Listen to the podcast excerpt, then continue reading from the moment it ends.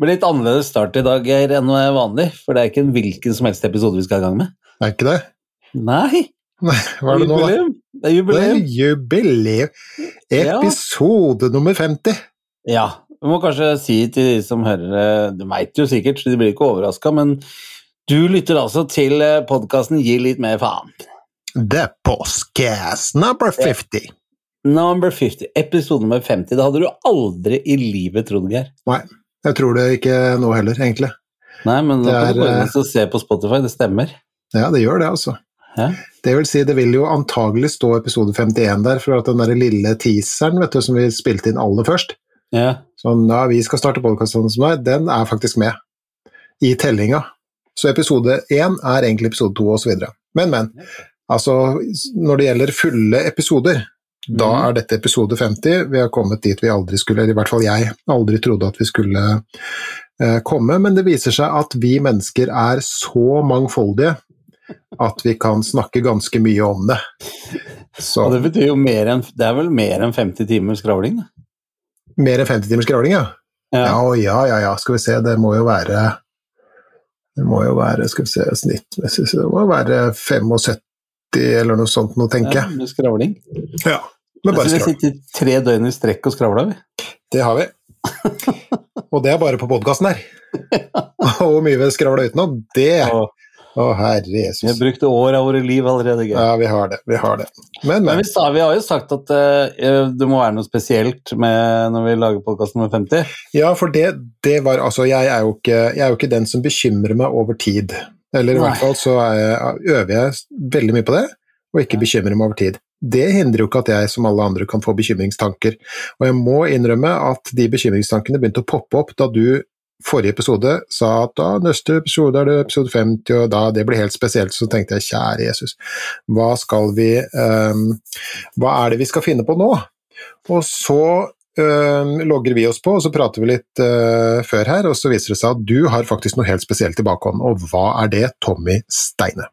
At jeg har tatt med meg skål med smågodt, er det det du tenker på? For å feire? Mm, nei, det var ikke ak akkurat det jeg tenkte på. Jeg tenkte mer på at du hadde tatt med det. Heller ikke det, for det er ganske standard. Men, eh, men eh, det er noe annet. Ja, vi satt jo for ti minutter siden og sa vi må ha noe. Så, og, det, og da satte jeg meg ned, så skrev jeg Jeg sa det fordi at du kan ikke hvis, nå, nå har du skrudd opp forventningene, sa jeg, så du kan jo ikke, du kan jo ikke bare komme hit til episode 50 uten å ha noe å servere. Nei, jeg Som ikke er Cola at Zero. Nei, men jeg tenkte jo på at når det er episode nummer 50, så skulle vi eh, bruke liksom eh, de første minuttene til en liten sånn flashback. Okay. Ok. jeg, skal, eh, jeg skal stille deg et par spørsmål, Mhm. eh, og så kan du stille de samme spørsmålene til meg hvis du vil, da. Men jeg blir veldig glad hvis du gjør det. Ja, det er veldig spent, for jeg aner ikke hva de spørsmålene er. Nei, nei, det kommer vi til. Men før det så må det være bursdagssang.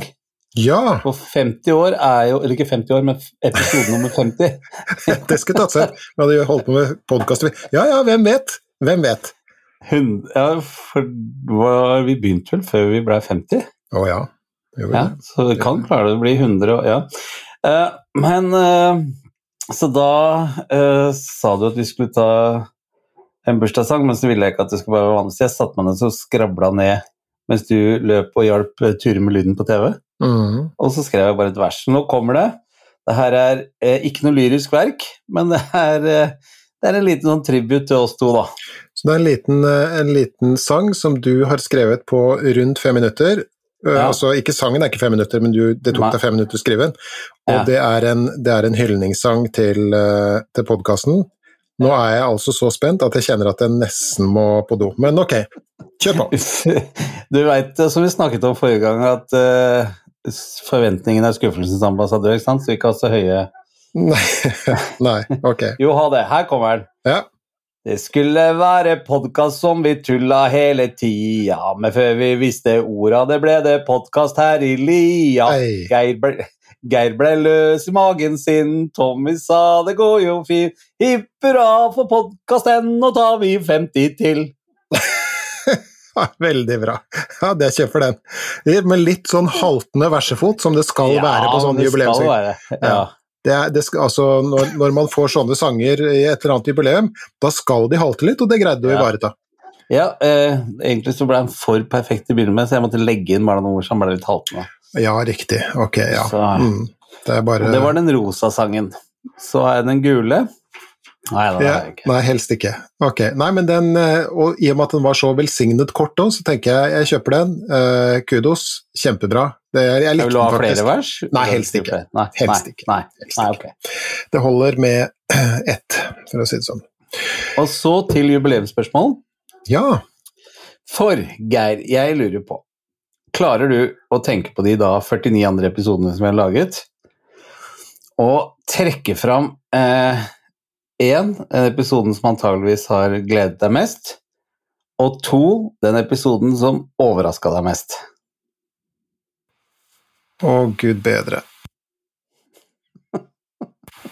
Da den var um, Den var litt eh, Den kom litt overraskende på meg, for å si det sånn. Ja. Så ok, så den episoden som har gleda meg mest, og den som har overraska meg mest Mm. Som du aldri trodde at vi skulle lage, liksom, eller um, sånn Det ble ikke sånn som jeg hadde tenkt, eller ble mye bedre enn vi hadde tenkt, eller Ja, det var det, da. Uh, jeg vet jeg må faktisk ha litt grann betenkningstid på det. Greier du Ja. å svare på det sjøl? Ja. Så bare spør meg, da. Ok, du Tommy, nå som vi Ja. sitter her og det er eh, episode nummer 50, det hadde du ikke trodd Ja, antagelig. Nei. Nei, men uh, kunne du ha svart på et spørsmål, tror du? Ett spørsmål? Nei, to. Eller okay, et, la oss si at det er et, eh, et spørsmål, men det er delspørsmål i tillegg. Kall det et innskutt beep-spørsmål. Ja. Ok, så hvis du ser alle episodene, de 49 episodene vi har lagd, ja. hvilken episode har gleda deg mest? Det er første spørsmål. Og det Mhm. andre spørsmålet er hvilken episode har overraska deg mest? Ja, Det er ikke noe vanskelig. Det var litt overraskende at du spør om de tingene, men eh, jeg klarer å svare på stående fot allikevel. Ok. Eh, ta det første først, da, den episoden som har gledet meg mest. Mhm. Episode én. Ok, hvorfor det? Fordi vi kom i gang med en podkast vi bare hadde snakka løst og fast om, skulle vi ikke laget det engang. Mhm. Og så tok vi bare tyren ved horna og satte i gang og smalt inn i et studio og lagde episode én og publiserte det. -hmm. Så det var en, eh, virkelig en gledens dag, syns jeg, at uh, vi fikk en episode på lufta. Mhm. For gudene skal vite at vi prøvde jo et par episoder før som vi heldigvis ikke publiserte. Ja, takk gode gud. Tatt opp på et hotellrom i, i Oslo, husker jeg. ja. Ja. Etter at vi hadde hatt show kvelden før, var det ikke? ja da, det også. Mhm. Så det er det, den episoden som har gledet meg mest. Den episoden som nok har overrasket meg mest, er den episoden hvor jeg begynte å snakke om filosofi. Jaha. For det hadde jeg ikke i min villeste fantasi trodd for hva er det nå, halvannet år siden vi begynte. mm. uh, at uh, jeg skulle sitte og diskutere filosofi med deg, og delvis også med, med han Madsen også. Mhm. Så det er nok den episoden som overrasket meg mest, sammen med mm, den første episoden av Vår husprofessor.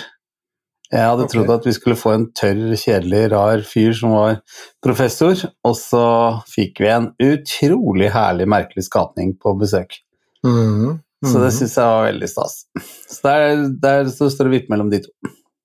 Ok, Har Ja. du klart å tenke noe mens du har hørt det? ja det har jeg. Ja, bra. Og det er jo selvfølgelig da fristende å svare det samme, men det skal jeg ikke gjøre. Um, altså det vil da, det, svaret på det siste spørsmålet vil faktisk være det samme for meg også. Uh, fordi at for meg så så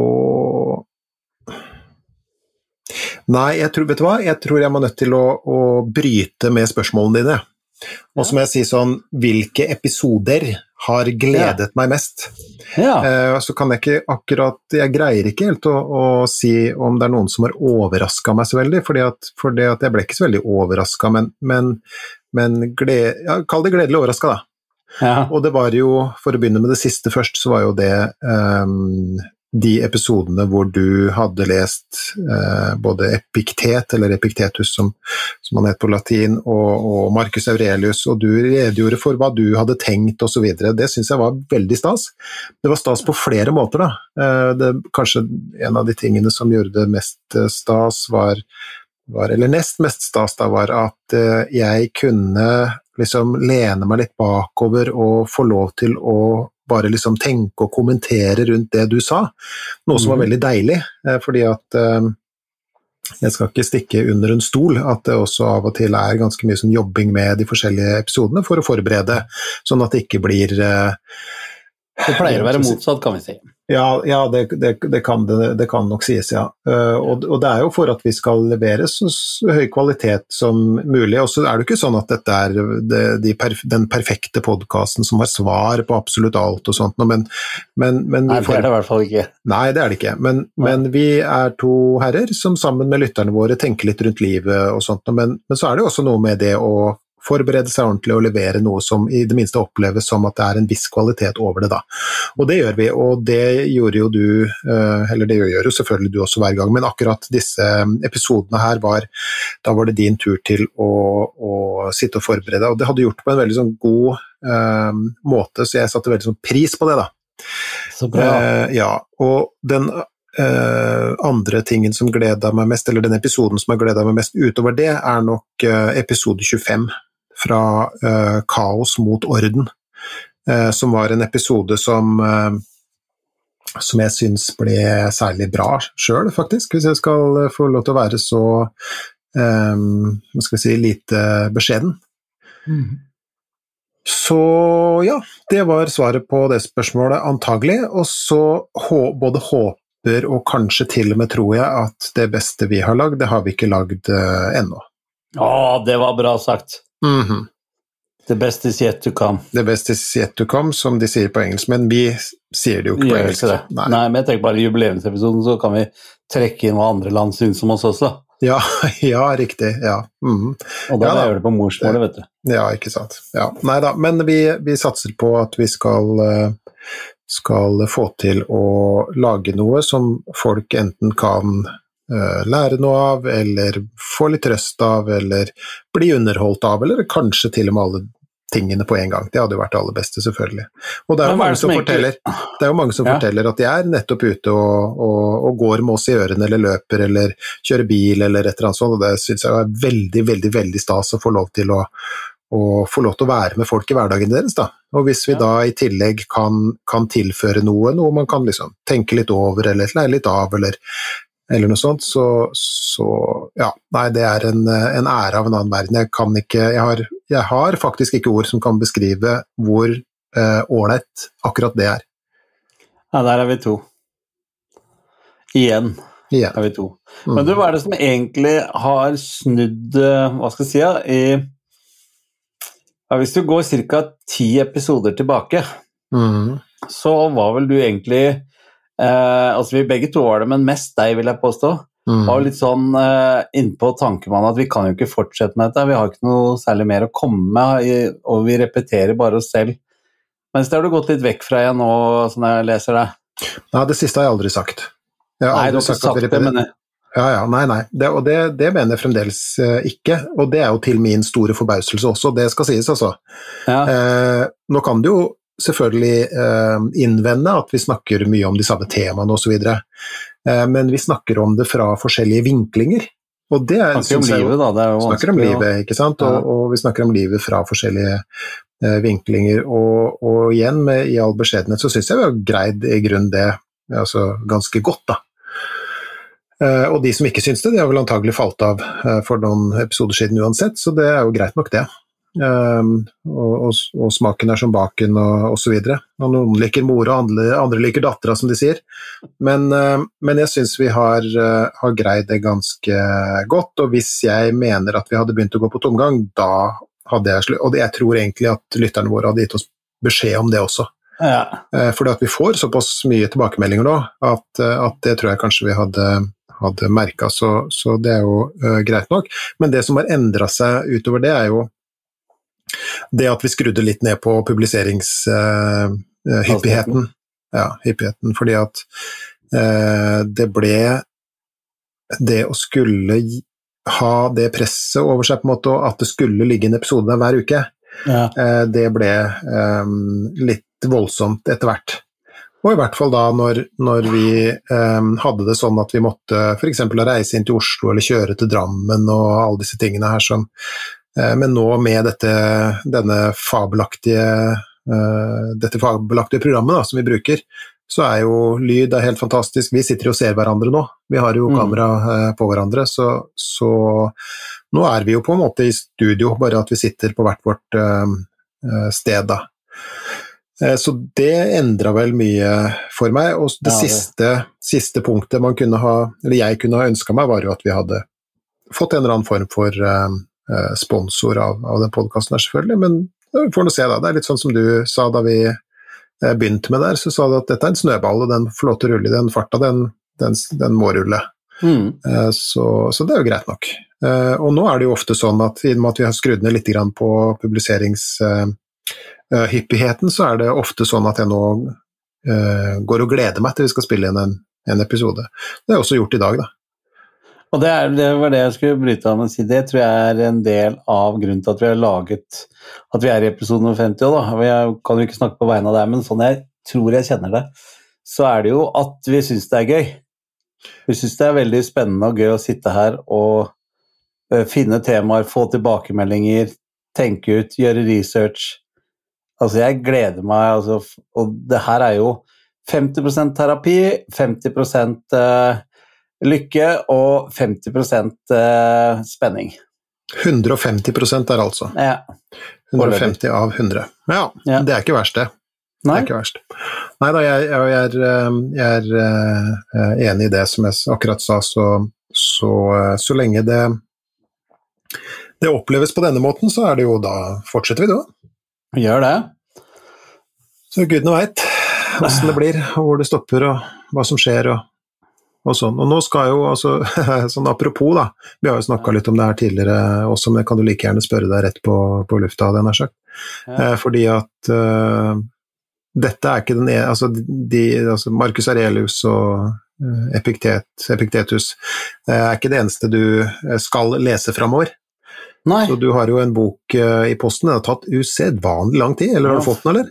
Nei, jeg har ikke fått den, og jeg har ikke fått svar på den mailen heller. så Jeg skal ikke nevne hvilket forlag det er, men det er jo en av de store. Hmm. Uh, akkurat det samme som jeg nå har sendt enda en mail også til Facebook for å spørre meg hvorfor jeg ikke får lov å få et nytt passord så jeg kan komme meg inn igjen. Hmm. Og ikke fått svar fra noen av de. Du verden. Ja, ja. Så, men eh, ja, det er den ene boken. Og så er det jo eh, Har vi snakka vel kult og så gått gjennom eh, både bok én og bok to med Jordan Peterson også. Mm, absolutt. Altså, det er, det er masse ting. Bare sett meg på lesing, Mhm, så mhm. se at jeg blir, eh, at jeg blir eh, ja, Lærd er jo å dra det, dra det langt, da, men litt mer lærd, da. I Ja, det er ma ma mange måter å være lærd på, så, så ikke still ditt lys under en skjeppe, som de sa i gamle dager. Hva betyr det egentlig? Det betyr å ikke hjem Nei, men ikke gjem eh, Ikke gjør det mindre enn det du faktisk er. Nei. For um, det der er Du sa jo liksom at her for, eller for noen episoder siden så sa du jeg, jeg har jo, liker å se på meg selv som en student, på en måte. Ikke sant? Du leste jo disse bøkene og, og sånt noe. Og virkelig, i, i ordets rette forstand, så er du da en, en student. Så det er ikke, man trenger ikke matrikulering på universitetet for å være student. Nei Og den, som, og den som slutter å være student i, i livet, den, eh, den blir gammel før tida, tror jeg. Ja, den, den går ut. Ja, det her er jogging for huet. Les bøker, folkens. Ja. Så jeg er livets student. Du er livets student, det er kjempebra. Ja, men eh, du, eh, du bor jo i Tønsberg. Og eh, jeg leser jo ikke nyheter, som du vet, eh, men jeg har fått med meg at eh, nå har det blitt helt kaotiske tilstander nede hos deg siden sist, for nå har de jo jaggu åpna uterestauranter. Har du merka noe til det? Er det ville tilstander i Tønsberg? Jeg kan jo ikke si det, jeg var ute her forleden med min kone og noen venner, og vi spiste ute da for første gang på ja, flere år, kjennes det ut som. Ja. Um, drakk til og med en eh, øl til maten og, og kosa oss fælt. Og jeg syns ikke det var så kaotisk, det var mye folk ute. Men eh, de holdt klokelig avstand, og det var jo munnbind på vei til bordet, og, på hvis du skulle på toalettet, så måtte du ha på deg munnbind, og det var ikke måte på. Eh, sånn at Men det var, det var litt sånn godt, da. Å få lov til å, å, slippe ut av hula igjen og se folk igjen, og, og se at, eh, at, i hvert fall noe begynte å bli litt sånn Eller ga skinn av å være normalt. Ja, Var det litt sånn 8. mai-stemning, eller?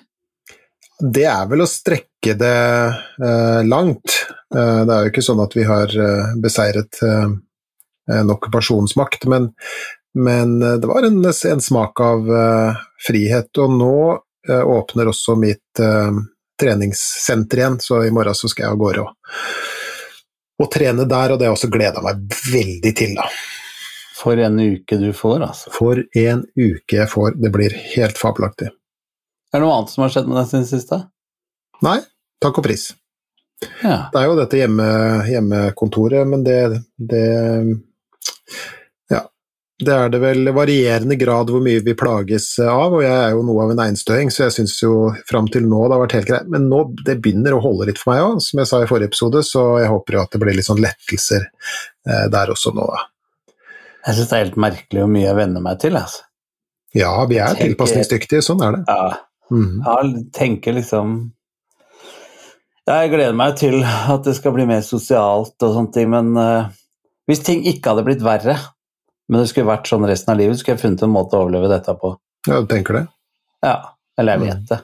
Men du har jo også en jobb nå da i tillegg, hvor du Ja, så jeg får jo dratt uh, på jobb, da. Ja, og så er, da er du ute og renner på jobben også, du sitter liksom ikke bare stille og Sånn så du får ut og rørt deg i, i terrenget, både i bokstavelig og overført betydning, på en måte? Ja, så er det skauen, da. Jeg har vært i skauen en uke her mange ganger òg. Mm. Mm. Det, er, eh, det, er, bare å komme seg ut. Og det er jo Hvor er det Linda og jeg gikk Hvilken dag kan det ha vært, da? Vi, er, vi føler vi er blitt som pensjonister, skjønner du. Ah, ja. For vi, vi, vi, sovna før klokka var elleve på kveld. Jo, det var fredag kveld. Mm -hmm. uh, vi, på fredag, så I dag er det jo søndag. Uh, vi sovna før klokka elleve på fredag. Og jeg våkna og sto opp klokken fem lørdag morgen, og Linda sto opp halv syv. Og når klokka var halv åtte, så var vi i skauen. Ja, ikke sant.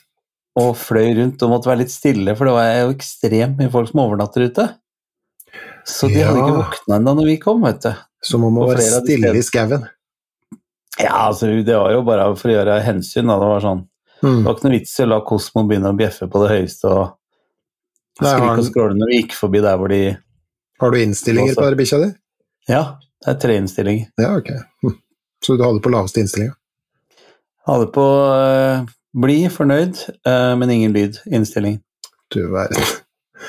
Veldig, veldig grei bikkje sånn sett. Mm, mm. Så uh, Nei, så Men det var det jeg egentlig skulle fram til. Det ble en veldig lang omvei, dette her, men det var altså helt ekstremt mange som overnatta ute.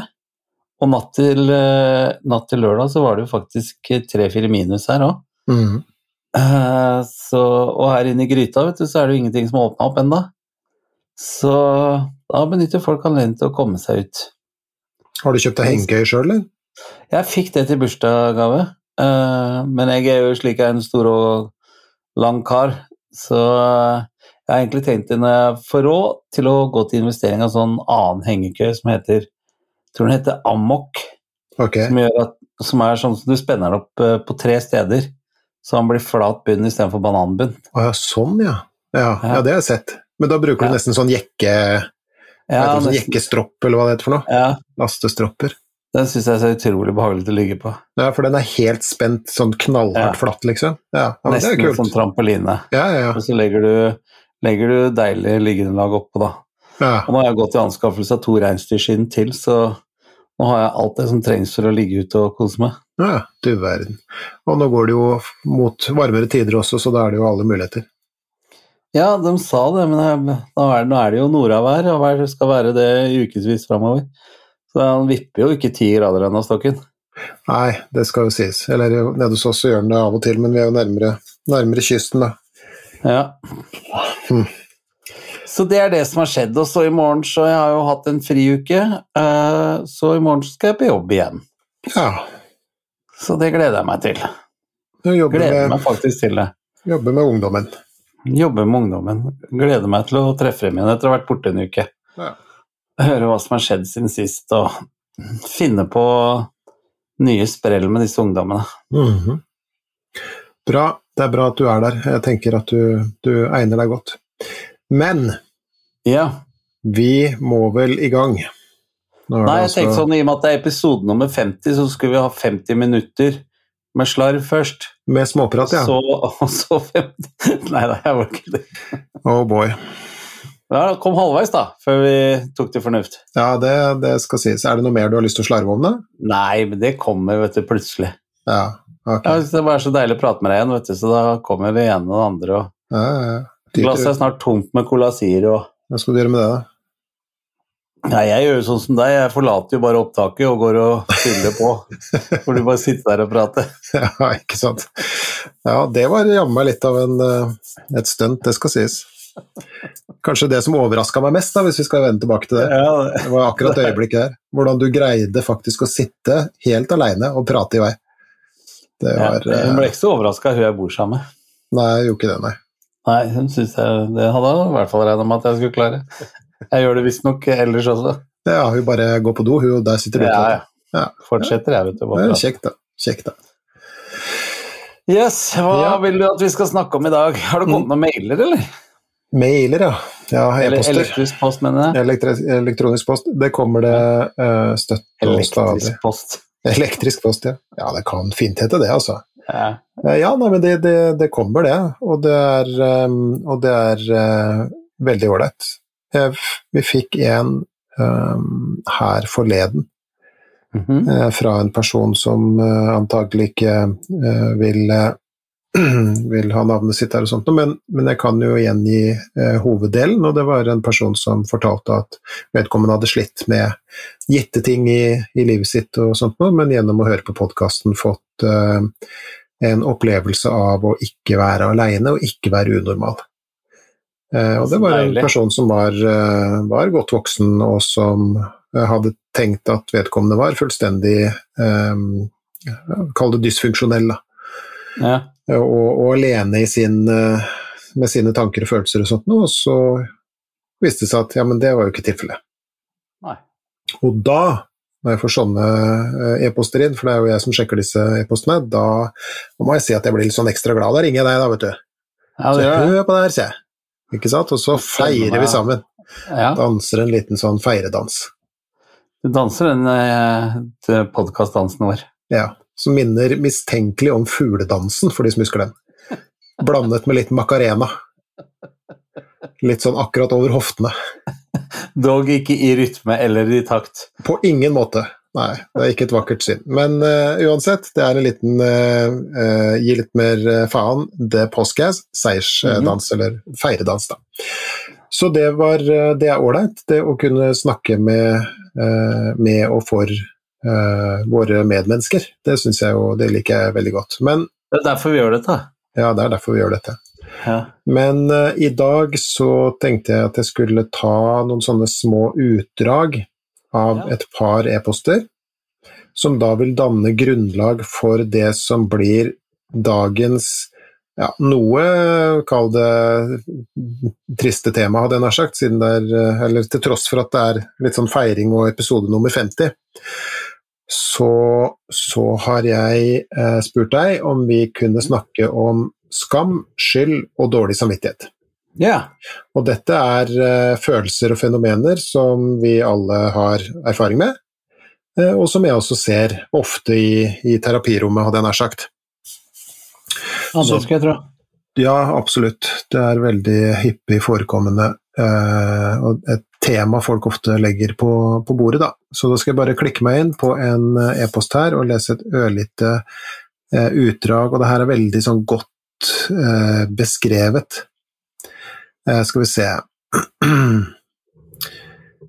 Eh, ok, så dette er tatt fra midt i e-posten, så det begynner litt sånn plutselig, men det står nå i de siste dagene så popper det opp minner fra fortiden meg hele tiden. Dette er svært pinlige situasjoner som jeg havnet i grunnet min eh, sosialangst, som denne personen skriver. Jeg får noe jeg liker å kalle cringe attacks. Har du hørt begrepet cringe før? Ja, Ja. ungdommen bruker det. Ungdommen bruker at noe er cringe, og det er jo, det er jo litt Kleint. sånn Ja, at det er kleint, at det er flaut, at, at det er så flaut at du krymper deg. Ikke sant? Ja, Liksom, cringe, åh, det samme. ja, ikke sant? Du cringer det sammen. Jeg får noe jeg liker å kalle cringe attacks, beskriver, eh, beskriver denne personen, og det syns jeg var veldig sånn godt, uh, godt beskrevet. Um, Jeg kjenner den følelsen, så ja. Jeg klarer ikke å slutte å tenke på at jeg oppførte meg som en idiot, og disse pinlige minnene popper opp. Hvordan skal jeg klare å leve med disse pinlige minnene? Ikke sant? Så det er det ene utdraget. mm. Og det andre er, her har vi fått lov av den personen til å lese opp, men, eh, men uten navnet, da. Da leser jeg opp hele eh, e-posten. Mm. Hei, takk for bra podkast. Har også lest Vigtil sin bok 'Den falt i smak'. Ønsker å være anonym, står det. Mm. Har et spørsmål og et tema. Jeg har hengt meg opp i ting som skjedde for lenge siden. Jeg er nå i midten av 30-åra, og hendelsene jeg tenker på, skjedde da jeg var ca. 17-20 år. Jeg har ikke tenkt på dette siden, bortsett fra siste året. Utløst av en smell, tror jeg. Tidligere vært bekymret for uh, helsen. Um, disse hendelsene er ikke ting som har skjedd meg, selv om jeg har opplevd mye vondt. Det er ting jeg har sagt og gjort, som jeg tenker på. Og videre, det er ikke hendelser der jeg vet jeg har gjort feil, for de er enkle, man kan jo be om unnskyldning. Det er hendelser jeg er usikker på. Problemet mitt nå er at jeg har kontaktet folk som jeg ikke har hørt fra på 15-20 år, for å høre hva de tenker om det som skjedde, i anførselstegn. Mm. De jeg har fått tak i, avkrefter at jeg har gjort noe galt, men det blir jo umulig å få tak i alle. Vi legger til at jeg kanskje er litt soft, redd for å såre eller gjøre feil. Trenger hjelp for å komme meg videre fra ting jeg ikke får gjort noe med. Hvordan går jeg frem? Har dere tips til meg? Med vennlig hilsen. Mm. Eh, og begge disse eh, e-postene peker i retning av eh, ting i fortida som man kan gå rundt og tenke på, og kanskje til og med litt sånn eh, skamme seg over og, og sånt noe. Uh, og det var altså disse to som, som inspirerte dagens uh, tema. Mm. Dårlig samvittighet, herr Steine. Ja. Er det noe du har vært borti i ditt liv? Aldri hatt dårlig samvittighet for noe. Du har aldri Nei, så Nei, deilig, da. det er- Jo, det veit du jo veldig godt. Det er jo et eh, ledende spørsmål. Mm -hmm. uh, og du veit jo at uh, det er jo en av de Det er en av de største demonene mine uh, på dårlige dager, og det. Mhm. Du nevnte jo litt i forrige episode om, om det som kan være noe av bakgrunnen for det, annet at du da liksom du var ung og fremadstormende, så var du litt kjekken og Ikke sant? Mm. Og Mm. hvordan du ble korrigert eh, på det, da. Ja. Eh, og, og sånn kan jo Sånn kan vi alle så Den type ting kan vi jo alle ha. Ikke sant? Hva, hva ler du av nå? Nei, fordi at eh, vi driver oss og eh, rydder i garasjen, for vi skal eh, ja, Vi vurderer å, å få ny takst på huset og kanskje selge det. og Det er en helt enig egen episode. Men da jeg sitter og rydder, så kom jeg over en sånn en svær eske med avisutklipp, da. Og eh, eh, ja, mest avisutklipp og bladutklipp eh, og intervjuer som jeg har gjort opp gjennom åra. Eh, og jeg har hatt sånn røftlig 36 cringe-attakk i timen eh, nå i dag. Mens jeg har gått gjennom og sett hva jeg har uttalt tidligere i intervjuer. og eh, Nå skal det sies da at jeg, etter hvert så lærer man seg pressen å kjenne, eller media å kjenne, så det er jo ikke akkurat eh, eh, hva skal jeg si, diktat, eh, sitatføringer de gjør. Det er jo Du sier en ting, og så lager de noe annet ut av det. Mm. Um, var det, spesielt, var det spesielt tidligere, eller? For at nå er det jo ofte sånn at man kan be om sitatsjekk og bla, bla, bla. Ja. Og var det mest de første ti åra så var du bare glad du fikk, eh, fikk noen spaltemeter i hele tatt, ikke sant, om en Mm. forestilling du hadde, eller sånt, for det innebar, innebar jo at du at ja, du fikk kritikker og terningkast og solgte billetter. Det var mye mer avhengig av det før enn det man er nå. Så Men der altså ser jeg hvor stor forskjell det er på skallen til en 30 år gammel gutt og en 50 år gammel mann. Altså. Ja. Har du noen eksempler, eller? Som du kommer på? Nei, det er eh, Åh, nei. La oss forholde Nei. Du vil det er- holde det for deg sjøl? Ja, det, altså, det er, men, det er, men det går på de samme tingene. Sånn derre eh, Jeg har ikke nådd toppen enda. Eh, jeg har klare mål foran meg, jeg setter de hver dag. eh, Eh, dere har ikke sett det beste enda, altså bare sånn Litt sånn breialt, da. Ja, men eh, Så det er én ting, så det opplever jeg jo. Og så opplever jeg også ehm, eh, Jeg har jo gjort fryktelig mye dumt i livet, jeg òg, som alle andre. Mm, mhm. Og der mener jeg ligger litt av, eh, av clouet, som er i hvert fall eh, min medisin. Ehm, vi mennesker gjør feil hver eneste dag. Noen feil er større enn andre, og noen begår helt eh, nesten utilgivelig feil, så, eh, men allikevel, felles for alle er at vi gjør feil. Og eh, sånn ref tilbake til det vi snakka om med disse fantastiske stoikerne og sånn, og en av de tingene de snakket om også, var jo at eh, hvis du vender ansiktet ditt mot fortiden, så er det den veien du går, Mm. ikke sant? Eh, så Hvis da du går bare- du bare, bare- bakover. Ja, ikke sant? Hvis du, hvis du bare ser deg tilbake, så går du litt Ja. sånn baklengs inn i framtida. Da går du baklengs inn i framtiden. Da er det- Eh, er lett å snuble òg, for å si det sånn. Ja, ikke sant? For det er ikke så lett å se bakover når du går. Mm. Eh, og de var også på at eh, de tingene med dårlig samvittighet, med anger og alt sånne ting, det er eh, eh, Jeg trøster meg med at det er jo de tingene vi skal igjennom for å lære. Mm. Ikke sant? Jeg må, eh, jeg må brenne meg på både én og to og tre plater eh, for å skjønne at jeg ikke skal legge den hånda på den plata. Mm. Så jeg har eh, eh, øvd og øvd og øver hver eneste dag på å bli litt Jeg skal ikke si flinkere, for da veit jeg at du mister brillene dine, eh, men mer bevisst på å ikke fokusere for mye på det jeg har gjort, for jeg får ikke gjort noe med det, osv. Dette er litt Mm. alle mulige floskler som vi, som vi har hørt. Men jeg ser at hun angrer på fortiden, og så sa jeg også vedkommende det her med at han har prøvd å ringe opp igjen eh, alle disse her for å høre om han virkelig har gjort noe galt. Mm. Og det også kjenner jeg meg litt grann igjen når man spør folk du, hva skjedde der, og opplevde du at jeg var frekk, eller sa jeg noe som hun kunne bli lei ikke sant? Mm. Og det er jo rett og slett det ekstreme behovet vi har for å ha kontroll, da. Mm. Mm. Og var det ikke Fugli som sa noe med at eh, du må eh, Du må rett og slett eh, innfinne deg med at, at du ikke har full kontroll. Mm. Du kan ikke ha kontroll til enhver tid. Eh, og, og, vi, og vi gjør disse feilene som vi gjør, og så heller bare prøve å lære av dem. Mm. Så det var gata, mannen i gata sin forklaring. Hvordan tenker du som fagmann på dette? Ja, nei, det er jo Som alltid så er det jo et, eh, et komplisert eh, spørsmål, da.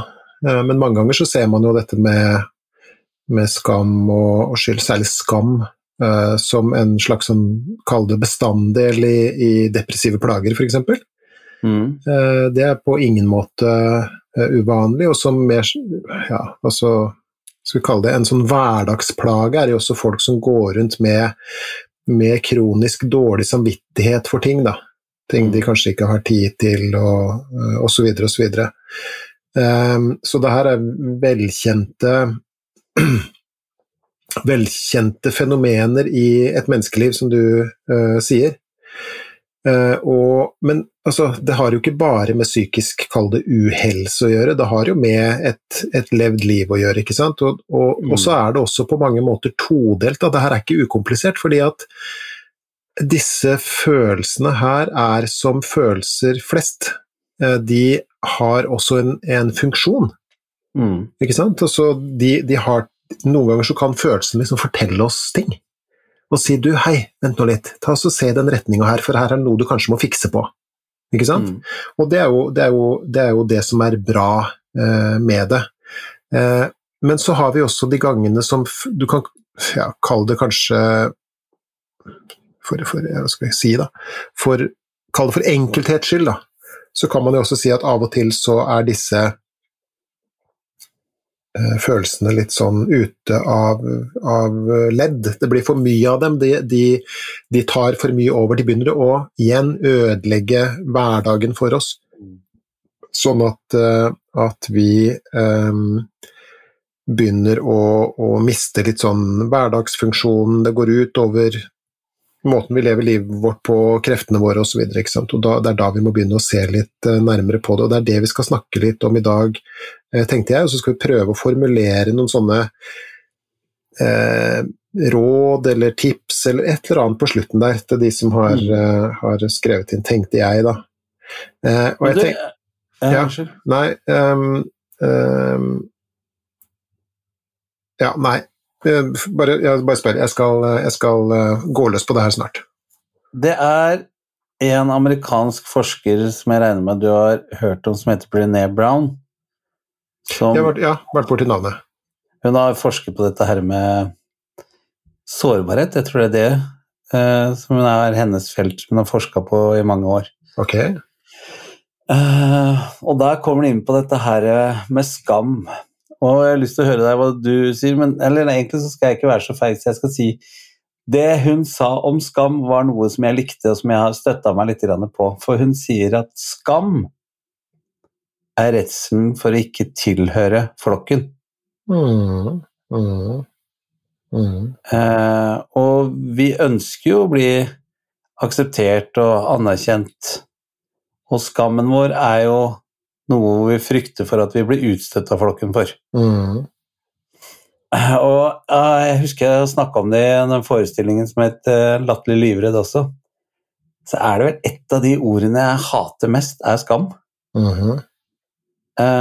fordi at uh, Og vi snakka vel litt om i, i, forestillingen vår også, og det her med om du ikke skammer deg, så sørger jaggu andre for å kaste på deg og påfører deg skam, eller prøver å påføre deg skam. Ja, eh, du, du, du, du, ja, du harselerte jo godt med det i forestillinga, fordi det var jo noen sånne nye skammer som hadde, hadde dukka opp på, på, banen. Ja, stemmer. Det var jo flyskam, blant annet. Ja. Husker du? Mm, mm. Og doskam og Var det ikke, var det ikke Snakka du ikke også om truseskam? Jo. Hva var det? Nei, altså jeg lagde jo bare for jeg stiller spørsmål om hvor mye skal, altså, hvor mye skal vi skamme oss over, egentlig? Så, da kom vi inn på truseskam. Der er han eh, Hvis du går med truse, så er det en skam, og går du uten truse, så er det en skam også. Så, så uansett hva du gjør, så blir det påført truseskam. Uh -huh. Og samme er det med, med, med, fly, ikke sant, med flyskam. Og det herre Miljø Grand Prix Nå er vi helt fra Melodi Grand Prix partiet, eller du veit hva jeg mener Melod MGP? MGP, ja. Eh, det var de som innførte mye av det med flyskam og bilskam og mm. Du skal heller Når du gjorde én ting gærent, så skulle du skamme deg, gjorde en annen ting, så ble det ros. Det ble liksom togros og, mm. og sykkelros og flyskam og kjøttskam og Ja, nå holdt jeg på å si det andre også. Mm. Med lepper, husker du? Ja, ikke sant. Så, jeg, skal, jeg, skal, komme uh, tilbake til det, faktisk. Ja. Men, uh, derfor, og der sa jeg også at jeg syns det er, et, uh, et, av de ordene jeg hater mest. Og det er også fordi at jeg husker Vi to levde jo en tid hvor hvis du gjorde noe galt i klassen, så kom du i skammekroken. Mm. Mm. Husker du det? Mm. Ja, vi hadde det i hvert fall i klassen vår, så var det sånn det var en stol som var vendt feil vei inni hjørnet. Mm. Og mm. etter hvert når de ble skikkelig moderne og kom på ungdomsskolen, og sånne ting, så var de ute på gangen skam. Mm. Ja, ikke sant? Ja, ja. Uh, og det kunne være at du uh, Hvis du bråka, eller uh, hvis du ikke hadde gjort leksene dine, eller mm. Så står det da en autoritær lærer som du burde skamme deg. Mm. Skam deg, ja. Du, ja, skam deg. Mm. Jeg tror så, kanskje jeg da var ett år for seint ute, for du er jo født et år før meg sånn cirka. Ja, stemmer det. Det opphørte jo når du begynte på skolen. Jeg fikk bare et år med det. ja, et eller annet må det ha vært, for vi hadde jo heldigvis ikke det, men, men vi hadde jo andre, andre mekanismer. Men, men, du sier jo at det er et av de verste ordene du vet av, men, men, samtidig er det noe som er bra med skam, sånn som du ser det? Nei. Ingenting? Nei, jeg finner ikke noe bra med skam. Mm. Mm. Jeg syns at uh, hvis man gjør noe galt betyr, ja, betyr, det da at man skal være skamløs? Nei, jeg syns du skal ta inn det ordet i det hele tatt. Jeg okay. syns at uh, du skal oppføre deg Skal kalle det noe annet, og så på mystisk vis så blir det noe annet? Ja. Mm. Selvrefleksjon. Ja, ikke sant. Ja, ja. er bedre å analysere ting du har gjort, enten som du oppdager selv eller som andre oppdager, og så gå gjennom og så se er det noe jeg skulle gjort annerledes, og hvordan kan jeg gjøre det annerledes neste gang? Mm. Hvis jeg kommer fram til en konklusjon. Jeg Ja. ser bare ikke helt hva, hva skam skal gjøre bra for meg, da. Men du er jo fagmann, så du har det kanskje? Nei, altså? Ja, Men igjen, altså selvrefleksjon er jo én ting, men det er jo ofte en mer sånn kognitiv eh, aktivitet. Mm. Og jeg kan ikke riktig forstå at jeg sier det her, og det kan godt tenkes at mine kolleger kommer til å bruke det mot meg, for jeg er ikke spesielt opptatt av følelser sånn sett, ikke sant. Fordi Nei. at øh, eh, eh, jeg er jo, tilhører jo de mer kognitive vitenskapene, men, men samtidig, igjen da, eh, for at du skal kunne regulere deg selv eh, ordentlig, så trenger du antagelig noen følelser som følger med. Mm. Eh, Så En ting er selvrefleksjon, som sikkert er en fin aktivitet, men det er nok ikke sikkert at de fører til eh, endringer like effektivt som, som hvis selvrefleksjonen eh, utløser noen emosjoner, da, ofte litt sånn eh, negative eh, emosjoner. Blir de for eh, vanskelige, altså negative, men, men vonde og vanskelige, da. Eh, blir de for eh, vonde og vanskelige, så kan det jo tenkes at det er til stor ulempe eh, for deg. Vi vet alle om folk som har levd med skam et helt liv, og jeg treffer dem eh, ganske ofte også.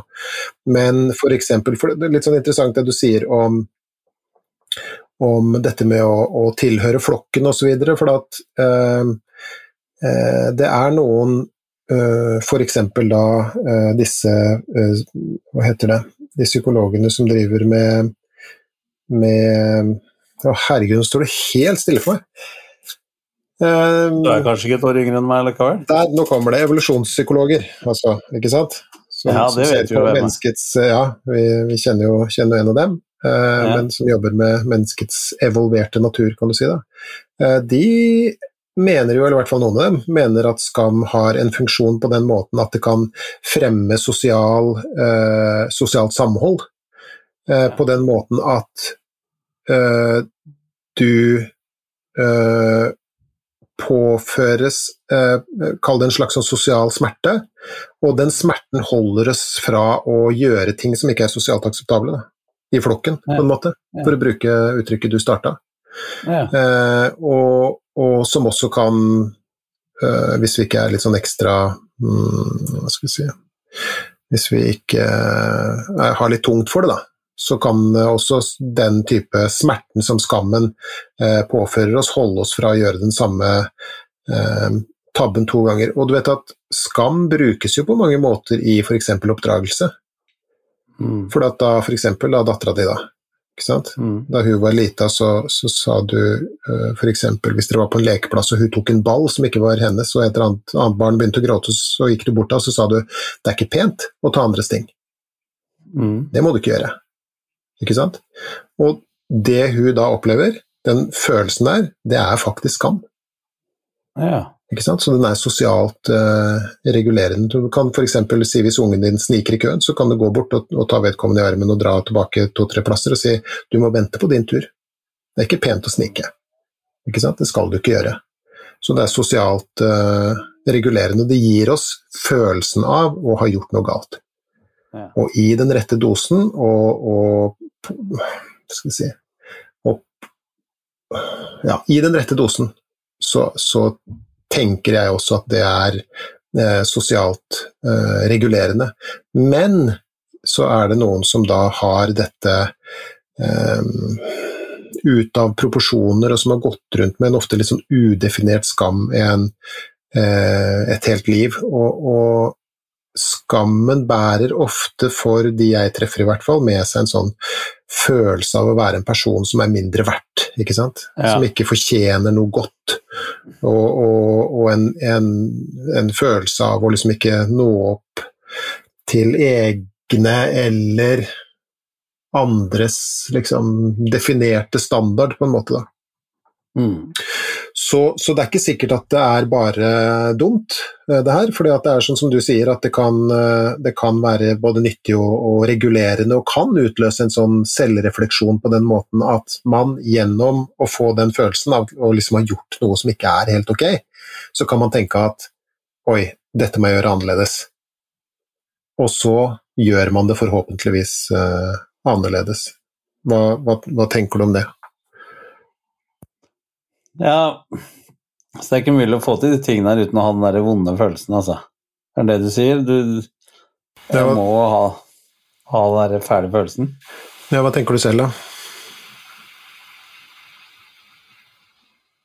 Nei, hvis jeg tenker eh, letthet, så husker skulle jeg fint eh, Kunne godt tenke meg å slippe å ha den følelsen eh, av og til. Men Mm. Du har sikkert rett, det er sikkert eh, nyttig på sin måte. Men hvis du skulle forsøkt å lære et barn noe uten å påføre en form for vond følelse fra tid til annen, hvordan skulle du da ha lært barnet der da? Nei, men vonde følelser Men eh, det går vel an å påføre de vonde følelser som ikke er skam. Hmm. Sånn som hva da? Rein fysisk juling, for eksempel. Nei, jeg ser, jeg ser hvor du vil hen. Uh, jeg vet liksom ikke helt om jeg har, uh, har noe alternativ for, uh, for øyeblikket, men eh, det kunne jo blitt en bra bok, det hvis jeg kommer opp med noe alternativ til skam. Mm, mm.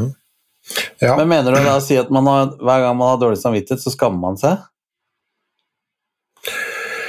Jeg tenker jo at det er De henger for- sammen?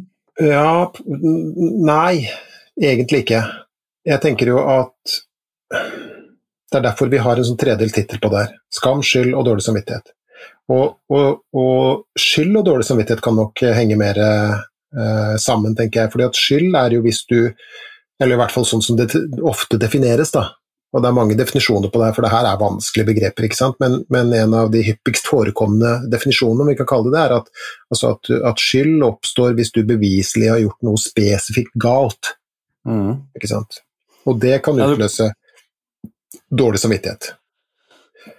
Så jeg tok det eplet fra den personen, for å, jeg vet ikke hvor det eksempelet kom fra, men eh, jeg tror ikke det er så mange som stjeler epler av andre, men, men la oss nå bare bruke det, helt sånn tilforlatelig Ja. eksempel. Jeg stjeler et eple fra en annen person, jeg Mm. gjør noe galt, det er ikke riktig å stjele, og så går jeg hjem og spiser det eplet, og så kan jeg få dårlig samvittighet i etterkant Ja. men da har jeg gjort noe galt. Eh, og den følelsen jeg da får, kan være en slags sånn nyttig dårlig samvittighet, på den måten at det kan være sosialt regulerende. Ja. Da går jeg tilbake, eh, hvis det er noe tæl i meg, og så sier jeg jeg har en innrømmelse å komme med, jeg stjal et eple, jeg vil gjerne gjøre opp for meg, jeg skal aldri gjøre det enn jeg lover. Ja. Og den følelsen, og igjen litt sånn tilbake til oppdragelse, er ofte så ubehagelig at den fungerer på den måten at vi ikke gjør det der eh, flere ganger. Men så er, det vil med andre ord si at skyld kan være eh, lærerikt, og det kan være på mange måter sånn adaptivt, på den måten at vi, eh, vi Adaptivt. ja, Adaptivt betyr eh, eh, tilpasningsdyktig. Det har en funksjon, ikke sant? Som gjør at vi ja.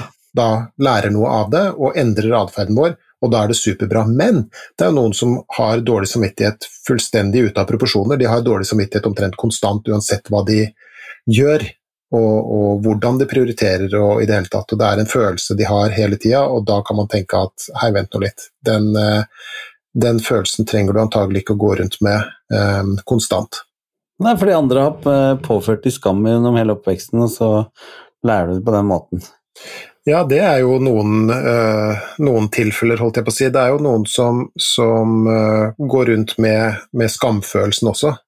Eh, og da kan man jo begynne å lure på hvor kommer den skammen fra? Er, den, er den påført deg av andre? Altså, det vil da si, er det noen som har gitt deg skammen? Mm. ikke sant? Som har, har påført deg den skammen, og når deres jobb er over, så tar du over jobben sjøl. Og bærer skammen med deg videre, liksom. Og det er det jo mange som, eh, som gjør.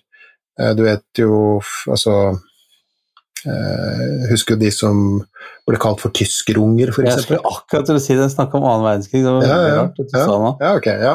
ja, men det er jo et eksempel som er lett å, å komme på. Fordi at tyskerungene ble jo påført en skam. Ja. De hadde jo ikke gjort noe gærent. Nei. De ble jo bare født av en mor og en far og visste ikke noe annet. Men, men det var de voksne og samfunnet rundt som påførte dem en skam, som mange av dem bar med seg resten av livet, og mange av dem er jo eh, døde også nå. Hvis man f.eks. da har vært utsatt for eh, overgrep av noe slag, f.eks. i barndommen. Da. Ikke? Være seg fysiske, seksuelle, uh, emosjonelle for den del. Eh, Mm. eh, overgrep, så, så Eller man kommer fra en familiebakgrunn som er litt sånn eh, brokete. Ikke sant? Mm. At ting ikke er helt på stell osv., og, så videre, og så og så påtar man seg, man seg en slags sånn skam som man bærer med seg inn i, i voksenalderen. Og det er alltid det er alltid interessant å utforske sammen med eh, den andre hvor denne skammen stammer fra. Ja. Så er dette din skam, eller er det andres skam? Ikke sant? Mm. Eh, og, og, og andres skam Mm. kan man jo lure på er dette verdt å bære med seg videre. Eller er det noe du kunne tenkt deg og øvd på og begynt å legge fra deg i større grad? Mm. Og så har vi jo din skam. Hvor stammer den fra? Hvordan var det du uh, fant ut at du skulle uh, hva skal vi si, la den bli en stor del av ditt liv? Mm. Ikke sant? Og spørsmålet da er igjen da Skal den få lov til å fortsette å være like stor? Det er mange som har noen ganger så, og det bildet som dukker opp i hodet mitt da, når vi snakker om disse tingene, er så det er noen som, som har kanskje gjort et eller annet, eller sagt Mm. et eller annet, eller noe, noe sånt. da. Det er noe i fortida deres, og så har de kjørt en eller annen sånn derre eh, Kall det sånn eh, indre rettssak, da Mm. hvor det er, eh, det er en eh, anklager til stede, inni der, et sted. Og så er det en jury til stede, så er det i høyeste grad en dommer til stede, og så er det pinadø også en bøddel, ikke sant? Men det er én, kall det person, da, som glimrer med sitt fravær, og det er jo forsvareren. Ja. Den er aldri til stede, ikke sant? Og så ilegger denne personen seg selv en lang fengselsstraff, mental sådan, Mm. eh, hvor man eh, nærmest er på tukthus og må, må sone for det her hver eneste dag, i, i dag ut og dag inn, i årevis.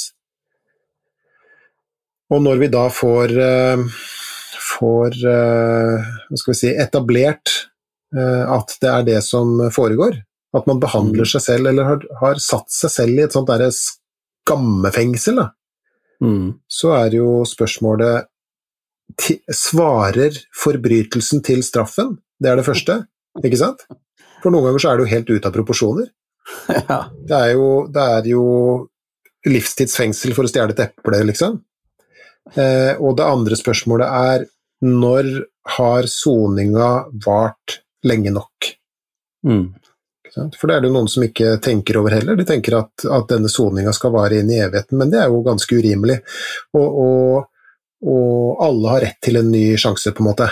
Det ligger jo nedfelt i vårt uh, straffesystem, så det bør jo i grunnen ikke være noe uoverensstemmelse mellom det og, og, um, og, og det indre straffesystemet på en, uh, på en måte. Da. Eh, Så, så og, det ser Jeg ser vi at du ser på meg nå. ja, Hvordan da? Nei, du veit at jeg er flink til det her. Ja, det er du. Ja. Vil du fortelle om det, eller vil du Nei, men jeg, jo, jeg kjenner meg veldig godt igjen når du sier det du sier, da. Jeg veit jo uh, uh,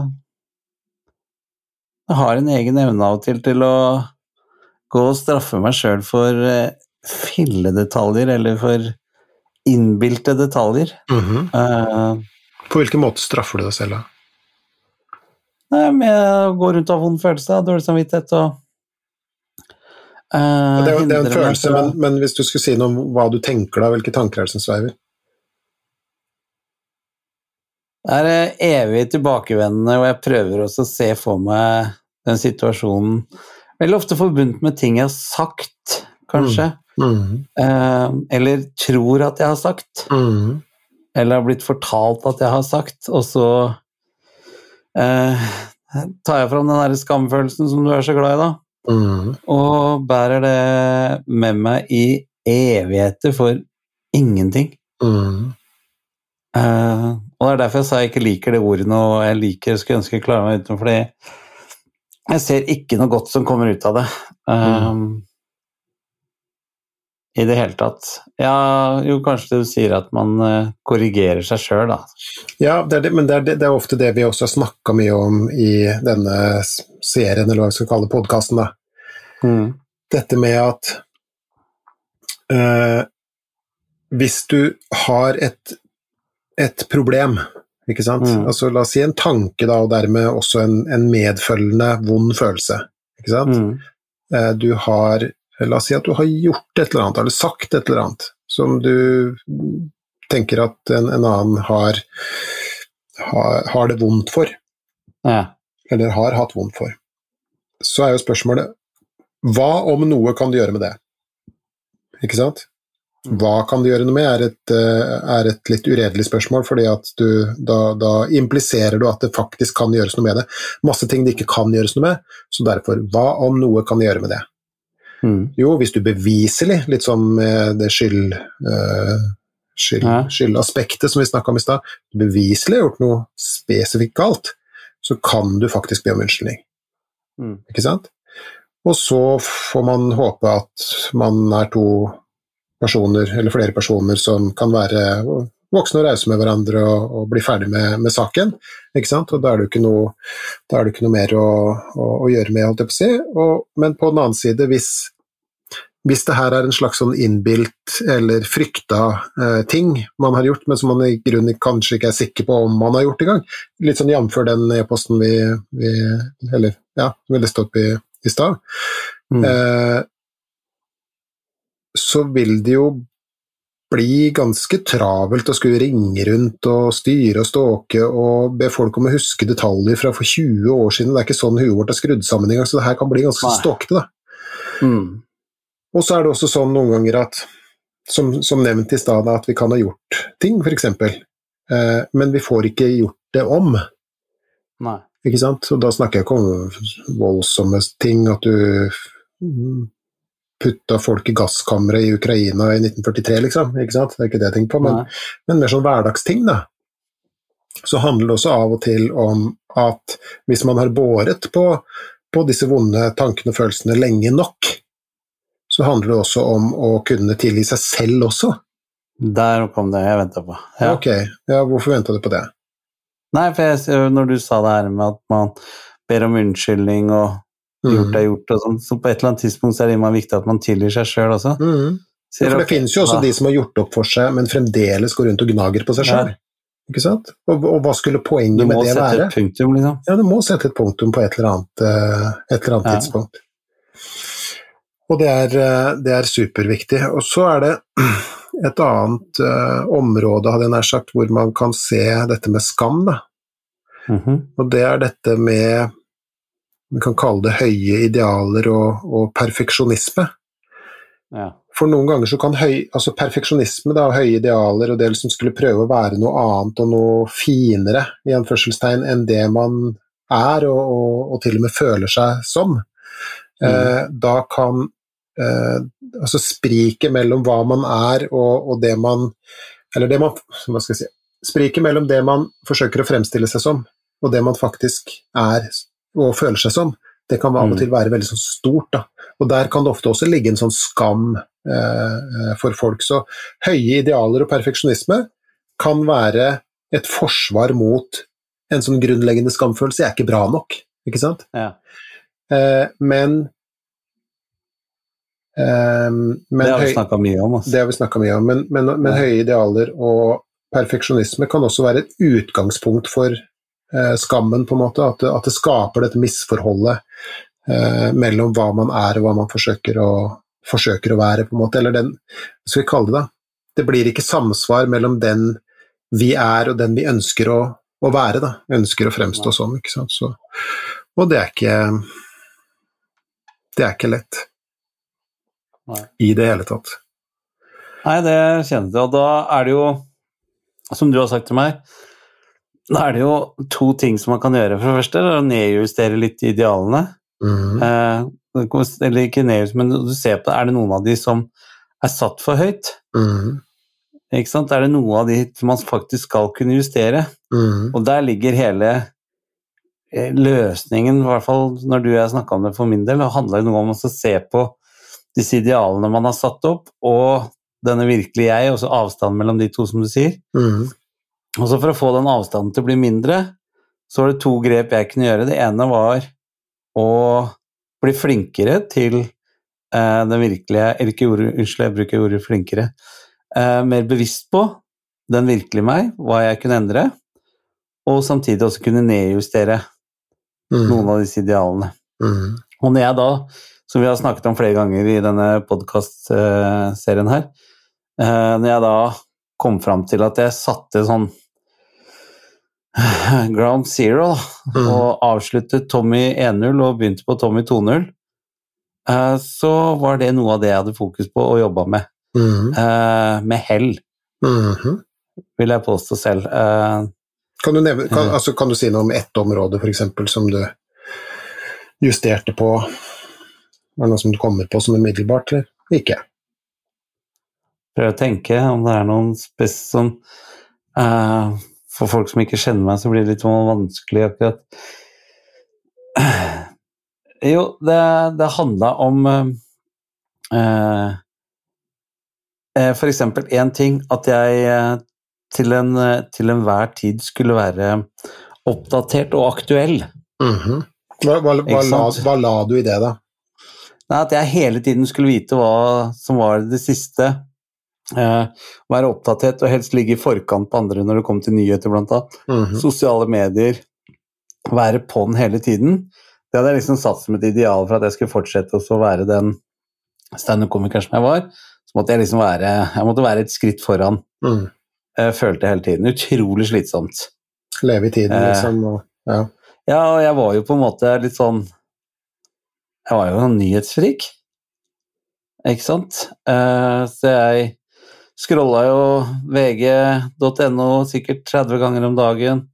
Leste i tillegg Aftenposten, Dagblad, Dagens Næringsliv. Eh, skulle alltid ha med meg nyhetene på radioen. Eh, og i hvert fall to til tre nyhetssendinger på TV i løpet av kvelden. Mm. Og det var den samme møka på alle stedene. 95% av det som kom, hadde jeg ikke bruk for. Så når jeg da eh, etter hvert eh, innrømmet overfor meg selv at dette her stressa meg, det her gjorde meg eh, mer bekymra, eh, det gjorde meg eh, mer nedstemt, om det er lov å bruke det ordet, på det området her Mhm. så tenkte jeg ok, skal vi da prøve eh, i en uke nå, Tommy, hvor du ikke følger nyheter i det hele tatt? Du tvinger deg sjøl til ikke eh, lese på telefonen, ikke høre på radioen og ikke så på TV-en. Dette var februar 2018, Mhm. og jeg gjør det fremdeles. Mhm. Og på grunn av at jeg har valgt å senke det kravet til meg selv på å være så utrolig oppdatert hele tiden, Mhm. eh, har gjort at jeg har det mye roligere. Mhm. Så det er et eksem godt eksempel. Det er et eksempel. ikke sant? Og oss, hvis jeg skulle ta et eksempel fra terapirommet, så møter jeg jo f.eks. folk som da, eh, for å vise at de er eh, aktuelle på jobb, da, og være Mm. helt sånn fronten der også, så yter de eh, 200% på jobb. Ja. Sliter seg fullstendig ut. Ikke sant? Og så begynner vi å snakke om disse tingene, og så viser det seg at arbeidsgiver antagelig vil være superfornøyd med en, eh, en arbeidstaker som yter 90 ikke sant? Ja. Eller, eh, eller noe der omkring. Og, og da, da kan man justere godt ned. Eller folk som tenker at de skal være den perfekte far eller mor eller partner eller perfekte venninne, eller kanskje i verste fall alle de tingene. Så kan det bli ganske Det kan bli ganske lyggent å, å greie å nå opp til alle disse eh, ofte selvpåførte standardene, høye standardene. Og da bryter jo eh, skammen løs ofte. Jeg greier ikke det, ikke sant. Og jeg, altså jeg er eh, de har ikke nådd den, Mange av dem har ikke nådd den konklusjonen ennå at de er bare folk, da. Jeg har et eksempel til, faktisk, Ok? Som jeg tror de fleste kan eh, kjenne seg igjen i også. Mhm. Og det var eh, idealet jeg hadde en helt eh, Hva skal jeg si eh, Vet ikke helt hvilket ord jeg skal bruke på men jeg hadde en eh, ekstrem drive etter å lykkes materialistisk. Mhm. Sånn at jeg skulle ha eh, skulle ha hus, hytte, fine biler. Og jeg var sikker på at eh, hvis jeg klarte å jobbe hardt nok og lenge nok eh, Og gudene skal vite at jeg jobba hardt nok, i hvert fall. Jeg hadde på det meste over 300 reisedøgn i året. Det er drøyt. Så Hæ? Ja, det er drøyt, se. Ja, det er eh, anbefaler jeg ingen. Mm. Men da tenkte jeg at hvis jeg bare har eh, fancy nok hus og fet eh, bil og hytte og gjerne en båt på vannet og en leilighet i Syden, liksom, hvis jeg hadde klart å få alle de tingene, da, da skal jeg bli lykkelig. Da kommer jeg til å bli rolig i kroppen. Da kommer folk til å se at jeg har suksess, og jeg vil bli akseptert, og eh, ja Liksom statussymboler, da. Mm. Og så Uten at det skal høres for ille ut, så, så oppnådde jeg følte at jeg oppnådde en del av de tingene der. Jeg følte at jeg hadde, hadde hus og hytte på fjell og hytte ved sjøen og bil. Men jeg gjorde jo ikke noe annet enn å jobbe, jobbe, jobbe for å kunne betale disse lånene og disse regningene. Og jeg ble ikke det spor mer lykkelig. Mm. I dag tjener jeg en fjerdedel av det jeg gjorde da, og er ti ganger mer lykkelig. Mm. Så da nedjusterte jeg det ekstreme kravet jeg hadde til meg sjøl i idealen meg, på materialistisk eh, på, ja, på materialisme, da. At folk skulle se hvor eh, For det er jo det alle tror er eh, svaret på lykken. Mm. Eh, og da også tetta det gapet seg mellom de to. Men du har jo tidligere også uh, snakka om, om uh, hva skal vi si, bakgrunnen din og eller oppveksten, at den kanskje ikke var bestandig like optimal, ikke sant, hvis vi skal uh, bruke det ordet. Og så kan man selvfølgelig spørre er det noens oppvekst som er optimal, for hva er det for noe? For det vil Mm. antagelig også variere. Eh, men, men, eh, men det er jo lett å tenke at nettopp det du beskriver der, var et slags sånn forsvar mot en eh, Kall det en sånn skamfølelse også, da. Eller Mm. i det minste redselen for å ikke være bra nok, og, og for ikke å være mm, Kall det sosialt akseptabel, på en måte, eller tilhøre sosialt, eller bli, bli, bli, bli akseptert i de rette kretsene, hva vet jeg. Har du, noe, Mm. har du noen tanker om det? Nå skjønner jeg at det Nei, er ganske det, levende, men, men likevel. Sikkert eh, noe der også. Mm, mm, Jeg tror vi alle på en eller annen måte gjør det, enten i form av ja, idrettslige prestasjoner, statussymboler eh, eh, Overaktive med cupcakes på Facebook. mm, Eh, vise bilder av bare fasaden. Ikke vil fortelle om det som ikke er bra. Eh, lever med et skall. Eh, nei, det er, det er mange ting. mm. Eh, og jeg husker det når du snakker om oppveksten og sånne ting, så når det kunne gå litt eh, hardt for seg på hjemmebane hos oss, så var jeg egentlig mest engstelig på om noen hadde hørt det. Hvis det var noe krangling eller bråk hjemme der, eller knusing av noe glass og sånt noe, så var ikke det, det var Den følelsen jeg husker, er jo ikke den følelsen at jeg, at jeg var noe redd på noen måte, sånt, men det var den skammen hvis naboene hørte det, eller Mm, hadde sett eller noe sånt noe. For jeg trodde jo også da, den gangen, at det her gjaldt jo bare vår familie. mm, Og så blir man heldigvis eldre, og så finner man ut at det er noe i, i så å si hvert eneste hjem. absolutt. Ikke noe tvil om det. Uh, og, og det var faktisk ganske deilig å eh, Så jeg kjenner meg igjen i den første mailen som du leste opp i dag, hvor han sa han har levd så mange år og trodd at han er uh, alene om det. Mm, Og da, og da får du liksom en dobbel eh, vond følelse. Da. ja, En ting er at du har det sånn, og så i tillegg så tror du at det er noe, noe galt med deg, som, at det bare er deg det gjelder. Mm, Eh, Og det husker jeg når jeg hadde den eh, smellen, så husker jeg det var det første jeg sa når jeg leste boka di også, var den første store lettelsen var å se at ja, dette her var ikke så veldig unikt, nei.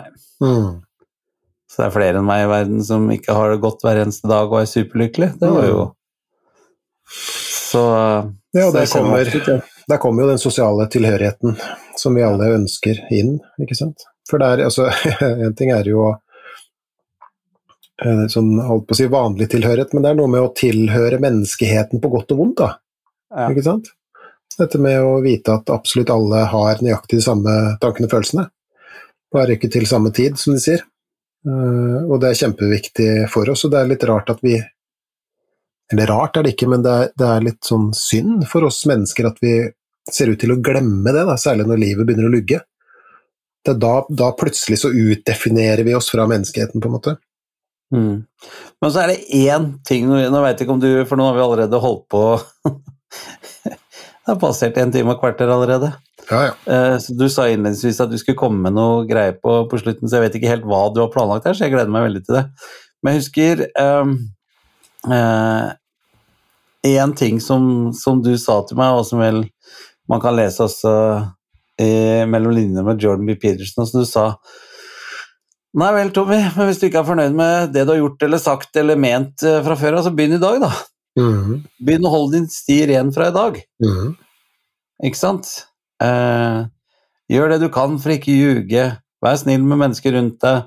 Bla, bla, bla. ikke sant? Begynn i Mhm. dag. Det mhm, er aldri for sent å begynne. Og så eh, får du ha to tidsregninger. Det som har skjedd fram til i dag, og det som skjer i dag fra i dag av og fremover. Mhm, Og der lå det innmari mye forløsende for meg. Altså. mhm. Eh, og ikke da at jeg tror at eh, det er Jeg håper i hvert fall ikke at det går mange mennesker rundt og ikke er fornøyde pga. noe jeg har sagt eller eh, gjort eller eh, ment om de. Mhm, Eh, men den derre indre justisen som, sant, som uh, var misfornøyd med en del av de tingene Jeg var misfornøyd med hvordan jeg opprettholdt mine egne verdier mm. som jeg har satt meg, og, og hele tiden dro meg tilbake. Hvorfor har jeg sagt det den gangen? Hvorfor har jeg gjort det? Mm. Hvorfor valgte jeg ikke det? Og jeg skulle sagt nei til det. Uh, men så sa du ja, men begynn i dag, da. Mm. Det var utrolig nyttig, altså. Mhm. Ja, det er Og det er jo allerede fire år siden, Mm. ikke sant? Ja, og det er, jo, det er jo det vi hele tiden har um, anledning til å gjøre, hvis vi vil. Mm. Vi kan, vi kan konferere vår, uh, vår uh, samvittighet, om vi kan kalle det det. Vi kan kalle det til og med den dårlige samvittigheten. Vi kan konferere med uh, skammen vår. Mm. Og det er jo det som kan være den, den, den gode og den, den regulerende eh, funksjonen eh, for både skam, skyld og dårlig samvittighet. Ikke sant? At det kan eh, anspore oss til å starte fra i dag og si at vet du hva, nå skal jeg eh, endre meg selv og måten jeg gjør ting på, måten jeg snakker med andre på og osv. Mm. Um, og så Ja, det er jo Dette er jo historien om fugl Føniks, f.eks. Mm. Dette er jo faktisk også historien om, om eh, Dostoy, altså den historien som er blitt verdenskjent, og som Dostojevs- Dostojevskij uh, skrev om forbrytelse og straff. Mm. Eh, denne personen, unge studenten, som da begår to drap, og som slipper unna med det. Det er jo ingen som vet at det er han som har gjort noe som helst. Men eh, hans, hans eh, skam, hans dårlige samvittighet, det at han har en skyld i det her, og at han vet at han har gjort noe galt, det er jo det som gjennomsyrer hele boka. Det er jo det som er Dostojevskijs eh, prosjekt med akkurat den romanen. Mm. Eh, det er å vise at du slipper faktisk ikke unna. Nei. Og det som skjer, er jo at, eh, at uh, hovedpersonen i boka, Raskolnikov, er, eh, oppfører seg på en sånn måte, bl.a. overfor familien sin og politiet og sånt noe, at det etter hvert blir ganske sånn tydelig da, at det er han som har begått det her. Og til slutt, så, for å spoile, som kidsa sier, eh, så, så blir jo han fengsla for dette drapet. Kan endelig starte prosessen med, eh, med å bli en annen fra i dag. Mm. Og for han så er det en stor, stor eh, lettelse. Ikke sant? Og ellers så er jo litteraturen eh, pakka med, med folk som eh, blir regulert nettopp på bakgrunn av, av disse vonde følelsene vi kan få. Da. Altså, en ting er jo Adam og Eva som får beskjed om å ikke gjøre noe helt spesifikt, nemlig å Mm. spise av, eh, av eh, kunnskapens tre. Eh, Og så gjør de det likevel. og som straff så gir Gud dem skammen. Han sier at eh, se her, dere er nakne. Og Før så rusla de rundt nakne som bare julinger, og det var ingen som sant, brydde seg om det, men, men, nå så får de skammen, da. De ser at de er nakne, og så skjuler de seg, ikke sant. Eh, skammen har du i, igjen, for å trekke på bibelhistorien, da, så har du skammen der Peter avsverger Jesus for tredje gang, ikke sant, før hanen galer. Og som skjønner hva han har gjort, ikke sant. Den der grusomme følelsen av å ha brutt mot sine idealer, da. Den er jo ikke god. Langt ifra. Eh, og da kommer vi jo til eh, Da kommer jo vi til eh, det som eh, antagelig nå blir dagens avslutning, nemlig skal vi si, Det er ikke nødvendigvis råd, men la oss kalle det noen refleksjoner. da. Mm. Og igjen for å samle trådene av, av det vi har snakka om i løpet av uh, denne jubileumsepisoden, uh, så tenker, mm. jeg at, tenker jeg at når vi da får disse følelsene Hva er det? Nei Har du Nei, det er jo morsomt, for jeg ser deg jo på kamera nå. Mm. Så jeg ser jo at mens du prater, så får du luft eller et eller annet sånt. Sånt. Du, Sitter og raper litt. Egentlig så har du lyst til å bare slå av mikrofonen, og så slipper sikkert en kjemperap. Ja. Men, er, eh, men uh, jeg tror det gikk bra. ja, jeg syns du er flink. Altså. Ja. Du fikk riktignok høyere skuldre nå, men Ja, det skal sies. Ok. Nei da, det var noe, som, ja, det var noe som måtte opp. Hvor var jeg? Du var i uh, en på en måte dagens oppsummering eller ja, refleksjoner? Ja, vi trekker trådene uh, basert på det vi har uh, eh, snakka om. Hvis vi skal, skal jeg lov å si bare én ting for ja, dere? Ja. For du ledet meg jo da ut på glattisen til å fornekte skam. Mm. og så har jeg sittet og hørt på deg Jeg tror den glattisen gikk du ut på sjøl, altså. Jeg prøvde å hanke deg inn igjen. Ja, var det det du gjorde? Mm -hmm. Der ser du hvor feil man kan ta et tau. Eh, og greit, jeg skal være enig, da, at uh, uh, takket være jeg skal, Ok, jeg er ikke redd for å innrømme når jeg har Jeg er jo en livets student, så jeg kan endre mine synspunkter. Mm -hmm. Men jeg, har, jeg, tror jeg har en sånn liten sånn Tommy-versjon av det. fordi greit, skammen skal være med på å styre oss, da, og det som er bra med skammen og dårlig samvittighet, er at det kan henlede oss til å ikke gjøre det igjen, og, gjøre det, og da er den bra. Så da vil jeg gjerne dele inn sånn at da er det den positive skammen vi snakker om, mm. og ikke den negative skammen. Mm. Greit nok. Ok? Mm. Det var bare det. Det var bare det. Ok, ja, men det er, ja. det er en grei inndeling. Ja. Hvis vi skal se litt sånn uh, Altså det som er den uh, sølvskimrende tråden gjennom denne podkastserien, nærmest, er jo det vi kaller metakognitiv terapi. Ja. Og de holdningene som MCT, som det heter, eller forkortes i hvert fall, um, ja. representerer. Og hvis vi skal se litt sånn metakognitivt på det, eller se det i lys av, av metakognitiv terapi, så kan man si at, at, skam og dårlig samvittighet og alle disse tingene, når de, når de opptrer på en sånn måte i livene våre at de går utover hverdagen vår og funksjonen vår og forholdet vårt til andre og sånt noe, mm. Eh, så kan man si at det er til forveksling likt grubling. Mm. Hvorfor er det eh, til forveksling likt grubling? Jo, fordi at det er en tankeaktivitet som holder oss og låser oss nærmest i fortida og i vanskelige følelser. Så i terapirommet så vil min eh, tilnærming til det her være ganske lik den tilnærminga som, som, vi bruker eh, med tanke på depressiv grubling. Da.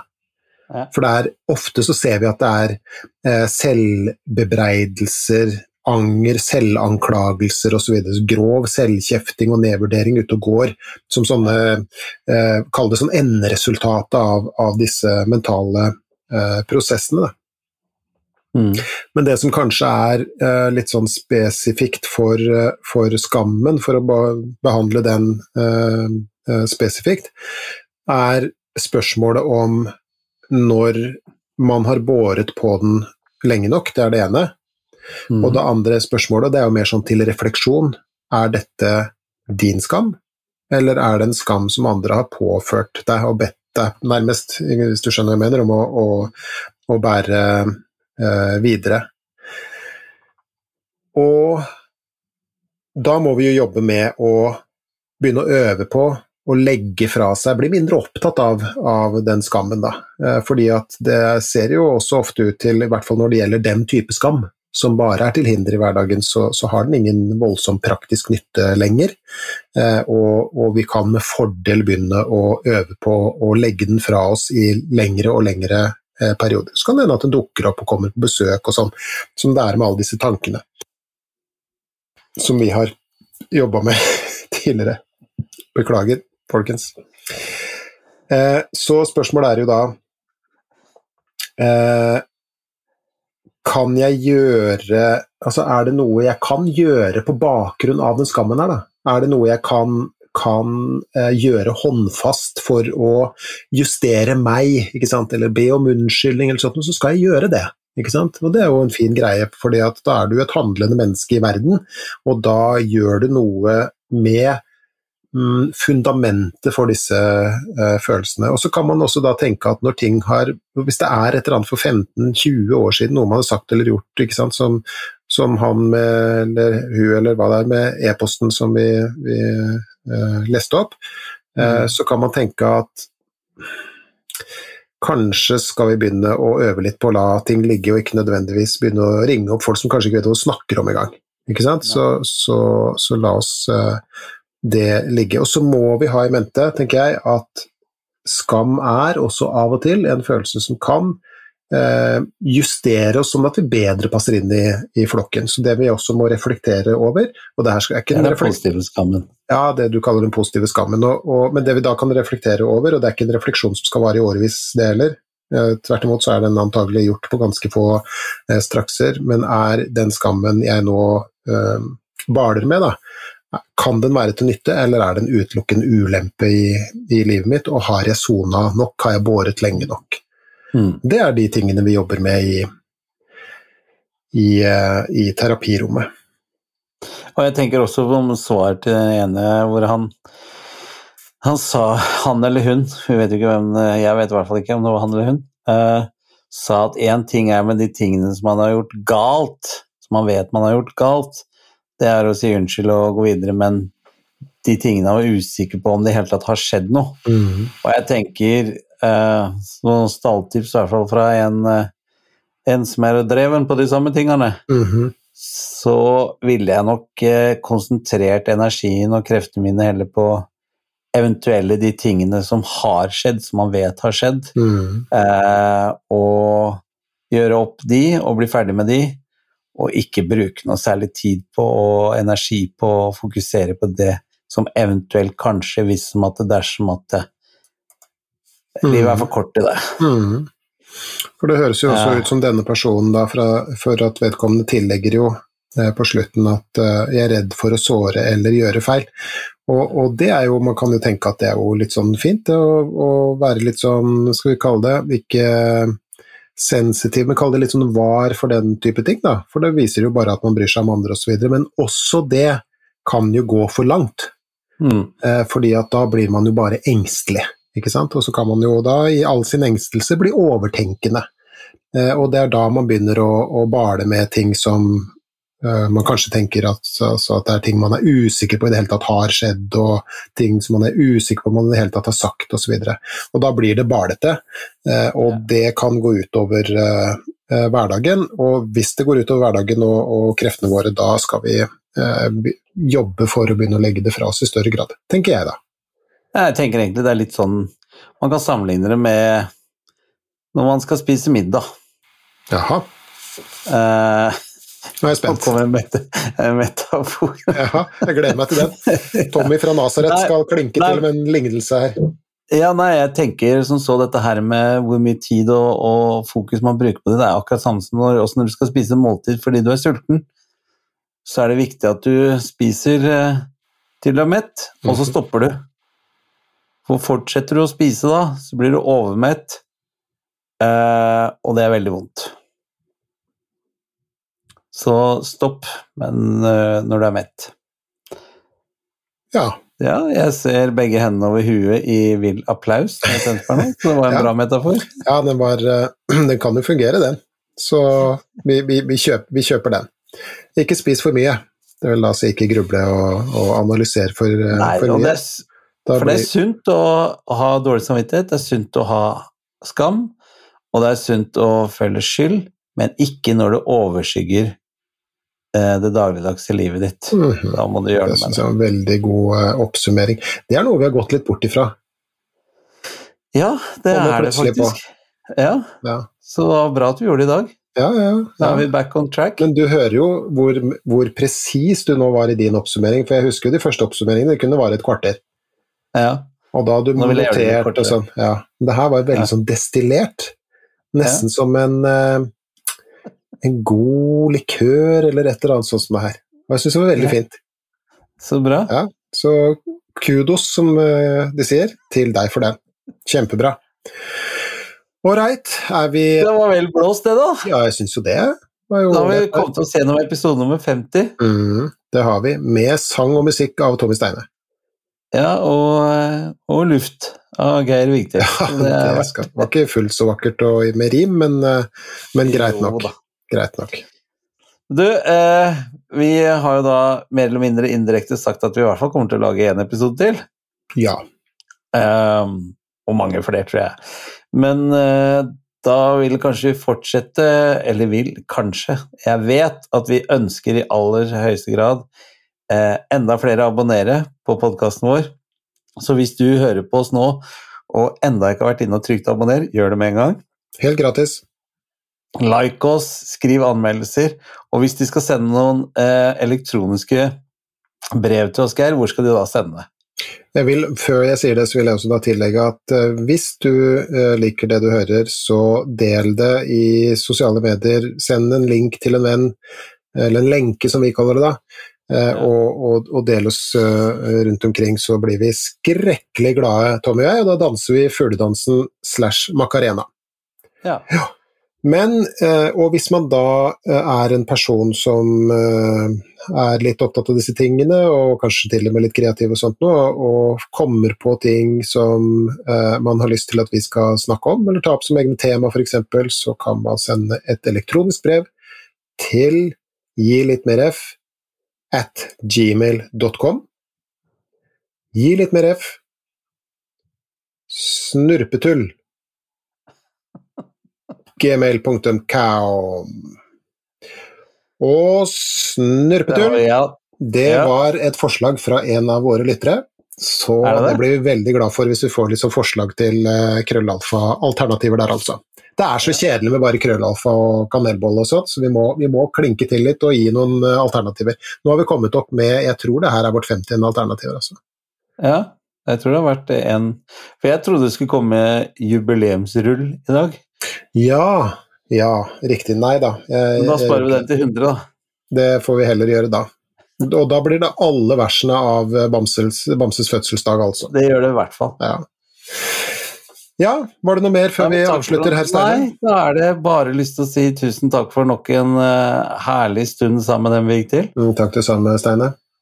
Måtte det beste skje deg og familien i dagene fremover også. Mm, Takk og i like måte. vi snakkes, da. Det gjør vi, før du vet ordet av det. Ha det. Ha det.